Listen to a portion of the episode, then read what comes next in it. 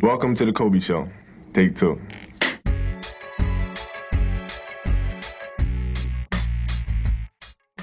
Mau gue mau Yosep nih. Lu aja lah, lu Gue ya. aja. Kalau gue sih ya sebetulnya balik lagi eh gue tuh nggak terlalu gue gini gue tuh emang suka basket tapi eh gue suka suka basket suka main basket itu mungkin seminggu sampai tiga kali ada lah main basket tapi jadi ya. j- tapi jadi atlet kagak itu parah sih dan eh sekalipun gue suka basket suka main basket tapi gue gak terlalu apa ya nggak terlalu mendalami seputar basket kabar-kabar atau berita apa pun itu tentang basket gitu. Apalagi soal pemain atau apa pun itu. Gue punya punya punya apa ya punya idol katakanlah gitu. Punya idola di basket ini. Tapi gue nggak terlalu fanatik gitu sama orang-orang itu gitu. Dan termasuk sama Kobe gitu. Jadi gue gak terlalu banyak tahu eh, perjalanan atau track recordnya Kobe dari awal sampai akhir gitu. Gue nggak tahu tapi ada momen-momen di mana gue pengen tahu gitu soal Kobe ini dan ada beberapa hal yang memang eh, sangat amat menginspirasi gue gitu dari Kobe ini. Yang pertama yang gue apa ya yang sangat menginspirasi gue adalah loyalitasnya dia.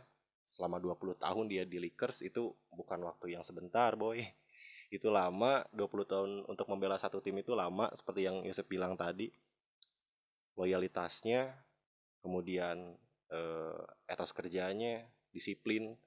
Eh, gue sempat dengar kalau Kobe ini setiap hari selalu bangun pagi subuh lah katakanlah hanya untuk berolahraga untuk eh, apa ya istilahnya untuk meningkatkan performanya dia kualitas fisiknya dia gitu. Iya, iya. dia selalu berlatih dari pagi sampai agak Disiplin ya. siangan gitu. Itu disiplin banget gitu menurut gua. Kalau misalkan kayak gua paling bertahan seminggu doang lah kayak gitu. Seminggu setelahnya gua nggak sanggup gitu. Gua buat lari pagi aja apalagi sekarang menderita insomnia kayak gitu ah susah banget kayak gitu. Itu dia disiplin banget. Terus mental juaranya dia punya. Kenapa pada akhirnya dia punya julukan Mamba Mentality ular Mamba Black Mamba oh ada satu cuplikan video yang ketika dia ditanya ke yang diarahkan ke Kobe itu kayak lu bakal ngelawan tim berat kayak gitu. Dan uh, pemain-pemain yang hebat gitu. Iya. dan dia ngejawab ya gua nggak takut gitu. Dan itu tetap terbukti gitu dari cara main dia di lapangan gitu. Segede apa pun lawannya ada big man-nya. Itu dia nggak pernah takut. Dia ngedang ngedang dia bisa bisa apa ya bisa show off gitu di depan pemain-pemain yang badannya bahkan jauh lebih besar daripada dia gitu Iya. itu ya kalau gue sih jiper sih sumpah apalagi dengan ya dengan skill yang ya kalau gue sih skill yang ada-ada aja seadanya gitu walaupun dia punya nama yang besar di lapangan dan di luar lapangan dia dikenal banyak di- dia dikenal banyak orang tapi dia sosok yang menurut gue dia rendah hati gitu Iya. ketika ketika gini ketika dia nggak bisa ikut main karena beberapa hal mungkin ya mungkin dia cedera atau apa pun itu dia tetap hadir di lapangan gitu. Iya. dan dia tetap nge-support eh, rekan-rekannya Hmm. gitu. Nggak cuma rekan-rekannya kadang. Di eh, pertandingan tim-tim lain yang bukan timnya dia dia selalu datang dan hadir tepat di pinggir lapangan di samping bench para pemain cadangan gitu dari tim-tim yang bermain itu. Dan kalau misalkan ada yang kenal dia dia pasti nyapa gitu model kayak ke LeBron atau enggak ke pemain-pemain lain tuh dia orangnya humble terus kayak apa ya ya baik ramah lah orangnya gitu. Jadi disapa atau enggak cuma sekedar tos doang gitu. Iya.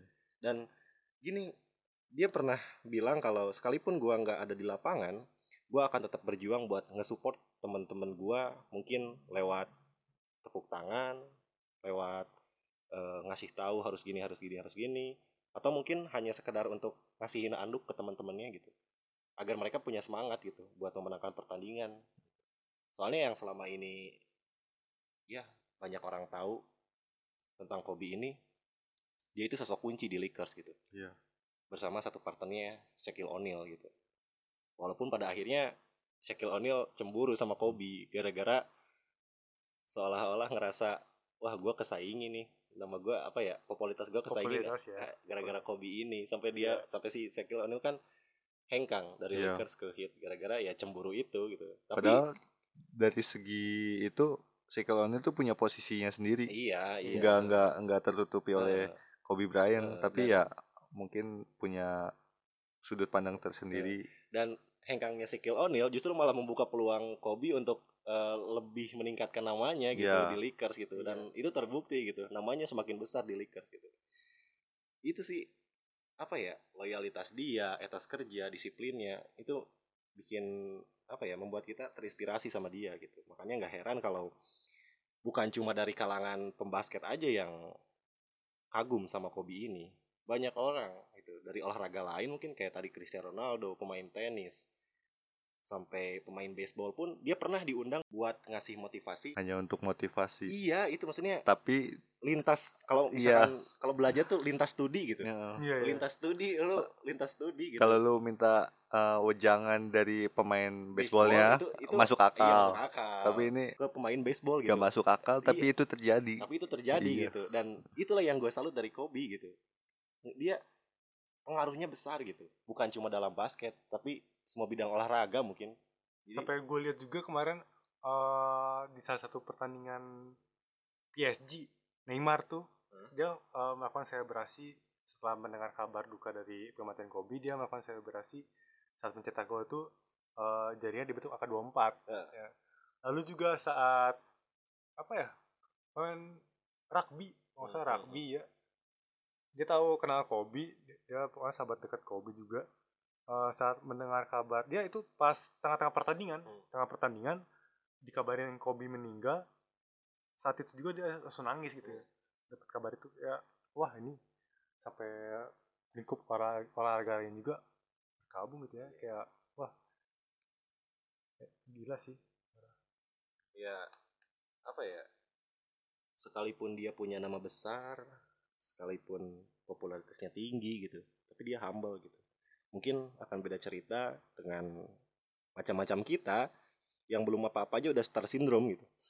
Terkenal dikit iya lu sih. tinggi hati gitu. Banyak sih kayak gitu. Ego lu tinggi gitu. Tapi Kobe ini seolah apa ya attitude-nya ini seolah mengingatkan kita kalau setinggi apa pun popularitas lu ya lu tetaplah manusia biasa gitu. Lu tetap bagian dari mereka juga lu sama rata lu harus humble gitu. Lu harus ramah sama orang-orang gitu ya itu sih pelajaran yang bisa gua dapat dari dia gitu. Bukan cuma soal skill basketnya tapi soal attitude-nya gitu. sejujurnya gua uh, sempat jadi apa ya Haters. haters bisa disebut gitu. Karena yang gue tahu kan cuma awalnya tuh cuma Michael Jordan nggak nggak yang lain gitu. Itu kalau main basket baru tahu basket itu ya kita ngomong gini bukan bukan semata-mata kita paling tahu basket gitu ya tapi iya. rata-rata orang yang baru tahu basket baru baru main basket itu pasti yang dicari pertama kali Michael Jordan. Udah tapi itu kayaknya berlaku cuma berlaku untuk generasi kita ke belakang deh. Iya sih. Soalnya kan pemain-pemain Iya, sekarang udah banyak udah yang luar bersinar lah kayak kayak Kyrie Irving Iya. kayak tadi Kobe Bryant kayak Paul George iya udah banyak Banyak, bersinar iya. kayak zaman dulu tuh yang paling dikagumi tuh ya udah Michael Iya, Jordan gitu. Kayak mungkin kita tahu pengaruh- basket udah Michael Jordan doang Iya, gitu. mungkin karena pengaruh media juga iya ya. media juga Hmm. sih. Ya itu sih. Kalau ya awalnya Lagi gitu, gua gua gimana? suka Michael Jo- Jordan terus eh masanya Michael Jordan udah eh, me- apa ya? Menjelang pensiun. Iya untuk Habis untuk ya, untuk udah. menjelang pensiun tapi belum. Terus itu muncul kan eh, nama Ko- Kobe Bryant eh ya Kobe Bryant. Terus dia dari nomor 8. Terus dari cara mainnya pun hampir disama-samakan karena Kobe sendiri juga punya ya kan posisi sama posisi ya posisi posisi sama, terus cara main sama. eh, Kobe pun eh, punya fadeaway-nya yang di mana ya, pada masanya hanya yang bisa melakukan fadeaway sempurna dan susah diblok itu hanya Michael Jordan. signature moves-nya gitu. Iya, terus disama-samakan. Terus pada akhirnya eh, gua gua pribadi kayak nggak suka ini siapa sih orang baru yang nyama-nyamain eh, idola idola gua gitu. iya Terus- iya, iya. Gua kayak kayak kayak benci gitu. Kayak siapa dia gitu. Terus aing fanboy-nya terus eh, mu- yang sempat benci gitu terus gua kayak eh, sering ngelihat cuplikannya emang hampir mirip eh, hampir mirip Cara hampir bermain ya iya hampir hampir sama sih bisa disebut sama gitu ya. Iya, terus pada akhirnya gue nemuin suatu statement dari Kobe Bryant sendiri eh, kayak eh, gua gua gua nggak mau jadi Michael Jordan, gua gua hanya jadi ingin jadi ya gue sendiri itu Kobe Bryant gitu. Gue punya kualitas sendiri, ya Michael Jordan punya kualitas sendiri, ya satu sama lain saling menghargai di setiap pertandingan juga mereka sering one on one kayak face to face untuk saling menjaga, saling adu skill dan semacamnya. Dan gua makin benci lagi pas s- makin benci lagi pas dia ngerubah nomornya jadi 24. Sebenarnya kan 23. Iya, ta- pada dasarnya kan nomor Michael Jordan itu 23 kayak atas terkesan ingin menyaingi dan ingin melebihi dari nomor itu. Terus eh, akhirnya muncul klarifikasi lagi dari Kobe Bryant bahwa nomor 24 itu hanya untuk menjelaskan bahwa Michael Jordan dan Kobe Bryant itu punya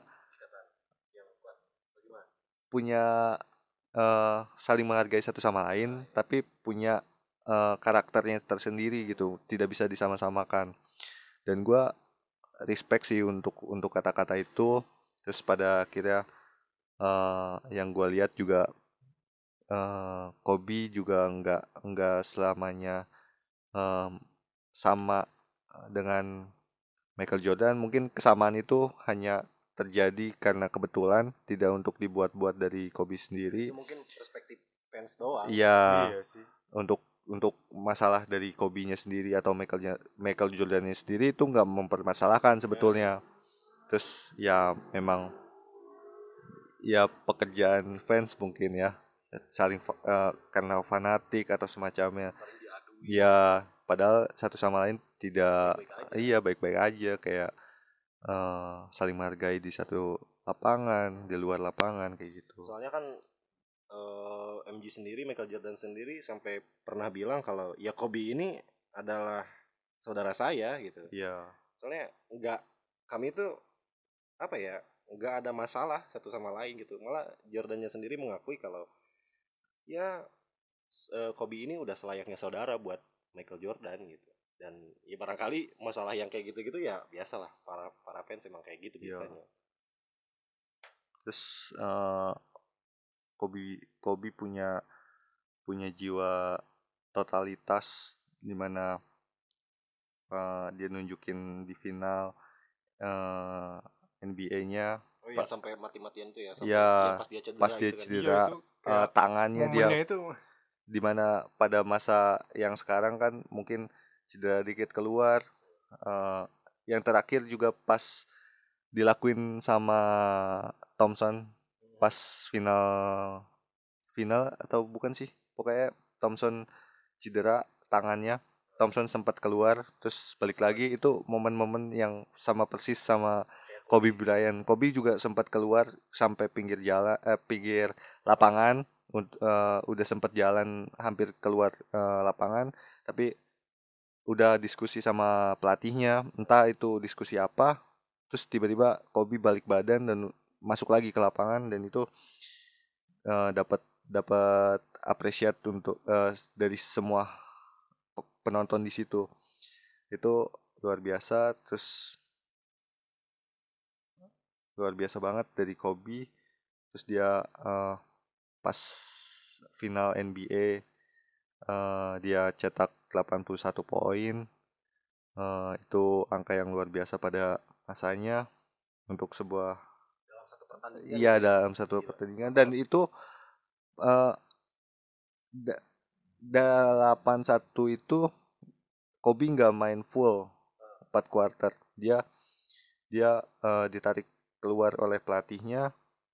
Dan yang gua suka ya gua nggak tahu yang gua tangkap eh, s- pemain yang eh, lagi on fire ibaratnya lagi punya ambisi besar untuk memenangkan eh, timnya pas eh, pasti pas ditarik oleh pelatihnya akan ngedumel akan kesel.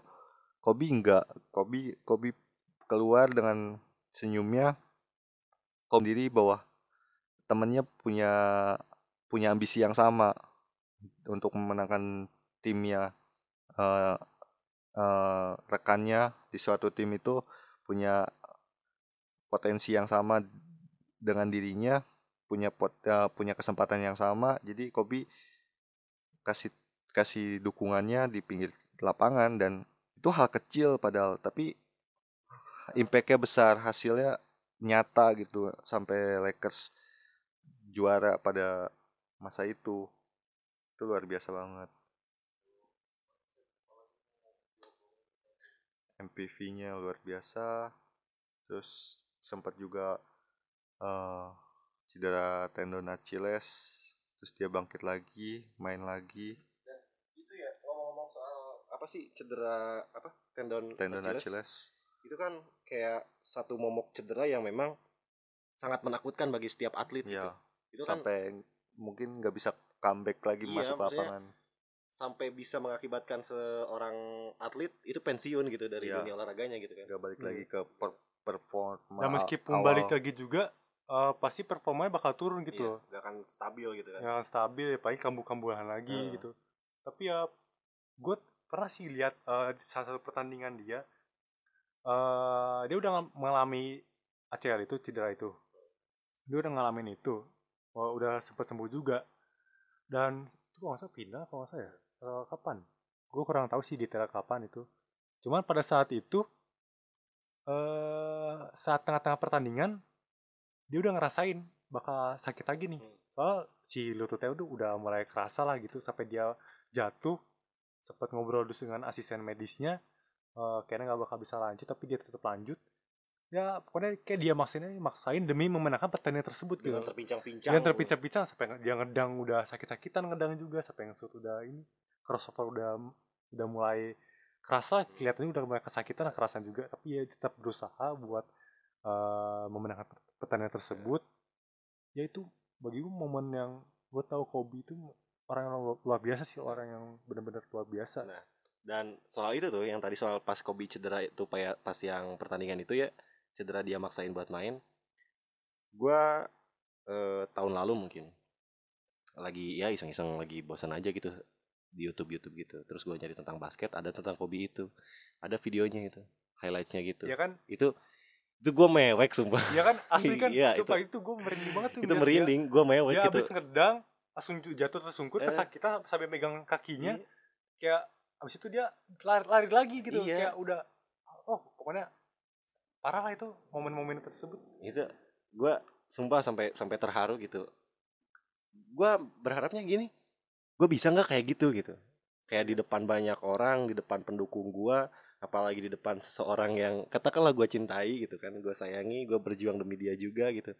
Gue bisa nggak semati-matian Iya. seperti itu gitu? Dan Kobe itu wah gila sih. Di depan istrinya di depan anaknya di, de- di depan para pendukungnya di depan para fansnya apalagi di depan para tim eh, rekan-rekan timnya yang berharap timnya bisa menang waktu itu.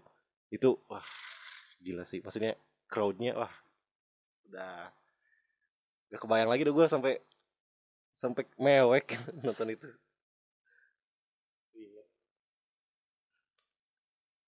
Terus juga eh, apa yang momen di mana Kobe eh, ketemu rivalnya eh, siapa ya itu? Pemain Spurs pokoknya. Terus pas momen ya itu emang rivalnya juga di lapangan. Terus oh yang di itu ya yang di fake face itu ya? Eh, bukan Fake Spurs face. itu. Bukan Spurs Eh, itu. Sacramento. Iya itu. Sacramento Kings dia. Itu sampai si Matt Barnes dia. pokoknya Iya, sepanjang Martinez. pertandingan itu dia kayak clash gitu kan sama dia. Iya kayak terus sikut-sikut iya, sikut-sikutan sih kayak body bodyan gitu. Ya pokoknya dia main to main terus sama dia Ya, di tensi naik ketat lah kayak gitu. gitu. dan Kobe itu apa ya mungkin kayak gambaran seorang eh seekor ular mamba gitu ya. Dengan mentalnya yang nggak gampang jiper. Iya. Itu anjing mukanya mendongkak terus ke atas. Tiap Iya kali. men. dia kan badannya tuh si siapa? Yang Jonas. rivalnya itu Iya, itu kan lebih tinggi daripada Kobe kan? Iya. itu kayak body body terus Iya. di depak-depak terus itu Kobe tuh kayak tangga aja udah mendongkak kepalanya gua ini orang sampai nggak kayak seolah nggak punya rasa takut gitu itu dia malah ya udah dia lawan aja gitu dia geser tapi enggak dia nggak provokatif Kayak gitu bener aja gitu omongan dia yang sebelumnya kayak yang ditanyain "Eh, siapa pun lawanmu eh, takut apa enggak Iya. kayak dia nggak ya, takut Iya gitu. kayak kayak- nggak takut ya siapa pun lawan gue meskipun sehebat apa pun dia ya udah gue lawan dia Iya, takut gitu. gitu. Kayak udah bener-bener ya omongan yang nyata lah Iya, gitu ya. iya. dan dia tuh nunjukin sikap yang kayak gitu tuh nggak dengan trash talk maksudnya nggak Iya banyak lah pemain-pemain Iya. yang NBA yang eh, melakukan Nyelipin kata-kata ya yang nyelipin kata-kata kotor atau Iya, memancing-mancing iya. emosi pemain lah. provokatif gitu Ya kan provokatif lah banyak dia kagak gitu, Dia maksudnya ketika dia di body gitu di depak kayak gitu dia ya udah depak balik tapi dia ya udah gitu Ya angkat udah. tangan dua aja udah gitu seolah ya gue gak ngelakuin apa-apa gue cuman ngelawan Ya, apa kita- yang dia lakuin gitu. ya kita defense dengan benar lah Iya. gitu. Ya udah tanpa, tanpa melakukan provokasi atau apa pun ter- yang lainnya Iya. ya cara-cara kotor lah ya. Itu dari situ wah itu main yang namanya pemain hebat tuh terbukti kayak gitu. Nggak nggak nyampah op- omongannya kayak gitu. Terus eh, ya yang tadi kita bahas Hmm. itu nunjukin eh nunjukin hebat kualitas ya Kobe. betapa betapa hebatnya seorang Kobe Iya, eh, kenapa- menginspirasinya seorang Kobe dan juga eh, kerja dia bagaimana dia di sebuah tim itu luar biasa sih ya kita Iya. mengutarakan hal-hal yang tadi kita sebutin tuh kayak itu hanya sebagian kecil lah Hmm. dari eh, kehebatan seorang Kobe dan masih banyak lagi ke- kehebatan ya di yang luar sana yang belum- mungkin kita nggak tahu Yang kita mungkin nggak tahu atau kita belum omongin di sini Iya.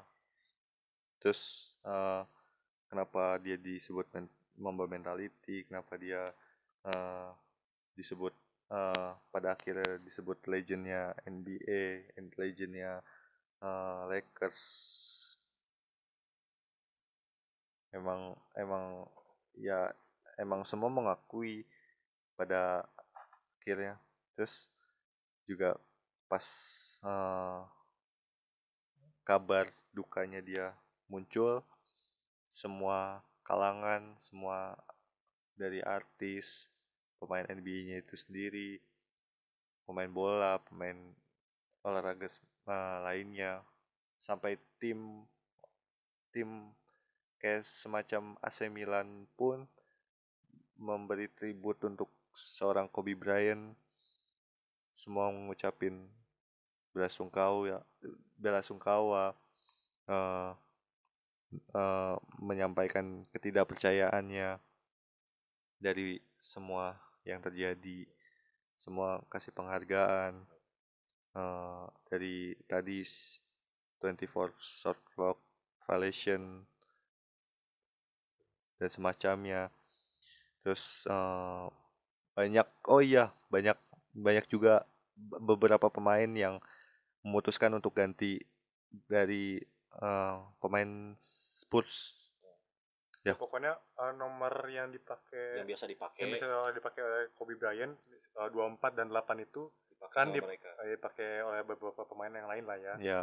Dan itu juga dan pemain-pemain tersebut juga memutuskan untuk eh, mengganti nomor mereka untuk menghormati Kobe Bryant. Ko- Kobe Bryant dan mengganti ya kayak eh, pemain eh, Nets Brooklyn itu eh, oh Nets spin Brooklyn ya iya. ya kenapa Spurs mulu? Spencer eh, Spencer Dinwiddie dia Iya. asalnya nomor 24 dia mengganti nomor dengan angka 26 No, dari 8 oh ya 8 Dari 26. dari 26 katanya eh, dari 26 itu katanya menghargai eh, wafatnya Kobe kan Hmm. pada tanggal 28 Iya. 26 terus juga yang terbaru kemarin Quinn Cook itu pemainnya Lakers Lakers juga Lakers juga. dari nomor 2 dia menghargai eh, kenapa dia ganti karena nomor 2 itu eh, nomor yang dipakai Jayana Jayana anaknya Kobe yang juga ikut insiden kecelakaan tersebut Iya,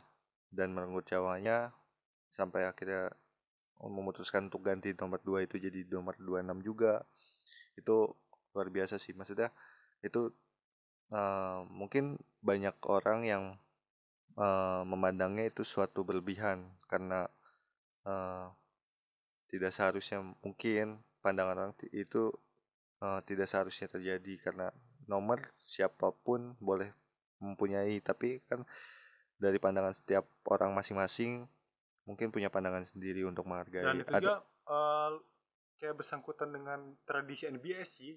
Kayak tradisi tradisi di NBA itu setiap nomor eh, punggung yang eh, orang-orang yang dianggap eh, legenda atau enggak eh, berpengaruh besar dalam dunia NBA itu nomor-nomor tersebut eh, biasanya dipensiunkan gitu. Ya kayak misalkan nomor-nomor Michael Jordan itu eh, nggak dipakai di eh, Bulls. Bulls. lalu juga eh, ya kayak nomor Kobe Bryant itu juga dia udah dipensiunkan lah istilah di Lakers udah udah untuk mengamati ini apa namanya eh, Kobe Bryant juga ya ngomong-ngomong nomor eh, nomor punggung yang dipensiunkan juga sempat beredar isu bahwa fans eh, Kobe Bryant sendiri minta untuk pihak NBA nge ngepensiunkan nomor 8 dan 24 dan tidak semua juga fans eh, Iya. Kobe Bryant menyetujui statement itu. itu pro, pro kontra sih Iya. sebenarnya Soalnya kalau dipensiunin ya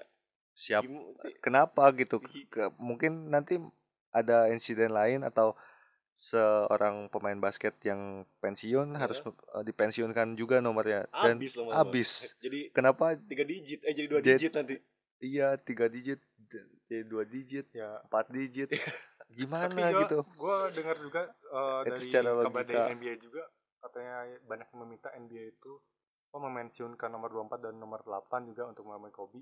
Itu sebenarnya kayak suatu yang berlebihan sih. Hmm. Kalau misalkan suatu tim hanya suatu tim saja yang memen- memensiunkan tersebut, Iya. misalkan tim yang dia bela kayak Lakers lah ya, Nah, tim yang dia bela oleh Kobe memensiunkan nomor tersebut ya itu wajar lah ya iya. untuk memakai Kobe. Tapi untuk skala besar uh, Secara untuk keseluruhan untuk se- seluruh tim uh, Iya. NBA itu kayak ya, kayak nggak wajar sih ya paling nomor dari kesadaran pemain sendiri sih Iya. cuma kayak misalkan tadi Spinder Dwinda dari Hmm. Nets itu itu hanya mentionkan nomor tersebut gak mau pakai lagi karena ya untuk menghormati Kobe Hmm. tapi dari Nets sendiri eh, dia nggak mas nggak masalah Iya. dia mau pakai nomor itu atau enggak lalu juga kemarin gue denger eh, oh pemiliknya ini Mavericks Dallas eh Mavericks Dallas ya Mavericks Dallas Mhm. dari pemiliknya Kenapa? tersebut eh gue dengernya itu loh apa namanya memensiunkan nomor. Iya, memensiunkan nomor dia katanya dalam tim Mavericks Dallas Hmm. eh nggak ada lagi pemain yang boleh memakai nomor 24 dan 8 Hmm. itu untuk memensiunkan nomor tersebut meskipun juga si Kobe ini bukan pemain yang berasal dari sana Hmm. tapi ya karena untuk menghormati dari ya tadi lah itu tadi respect tadi Hmm. eh, atas kematian Kobe yaitu yang memensiunkan nomor tersebut di timnya di, di tim yang dia miliki ini ya Ya, itu sih. juga beredar uh, isu uh, sampai buat petisi untuk NBA mengganti logo NBA-nya jadi logo uh, siluetnya uh, ya gerakan Kobe yang awalnya uh, tapi itu- awalnya sudah lama dari pemain lama tahun berapa gitu kalau nggak salah terus eh, minta diganti untuk siluetnya Kobe itu juga menjadi Tapi itu udah dikonfirmasi apa belum dari pihak NBA ini? Maksudnya udah disetujui atau enggak? belum sih Oh, belum. belum Eh, belum ada statement dari NBA-nya eh, sampai sampai segitunya nah, ya tidak salah untuk meminta itu tapi eh, kayak Terlalu berlebihan juga. ayolah eh, untuk untuk untuk eh, berbelasungkawa dulu Oh. tidak untuk me- melebih-lebihi mungkin nanti eh, akan diperhitungkan atau at- akan muncul statement dari NBA eh, un- untuk ganti logo atau tidaknya tetap Kobe eh, bagi semua kalangan itu eh, merupakan sosok yang Luar biasa. luar biasa banyak inspirasi banyak eh, Pelajaran yang bisa. pelajaran yang bisa ditangkap oleh semua orang dari segi apa pun itu ya seperti itu. Jadi eh, ayo ayo coba menghargai eh, da- dalam bentuk apa pun saling menghargai juga eh, cara orang untuk eh, menghormati Kobe Bryant. Entah itu caranya untuk mengganti nomor atau memensiunkan tapi untuk tidak melakukan suatu eh, apa ya suatu hal berlebih yang mungkin akan merugikan banyak banyak pihak kayak gitu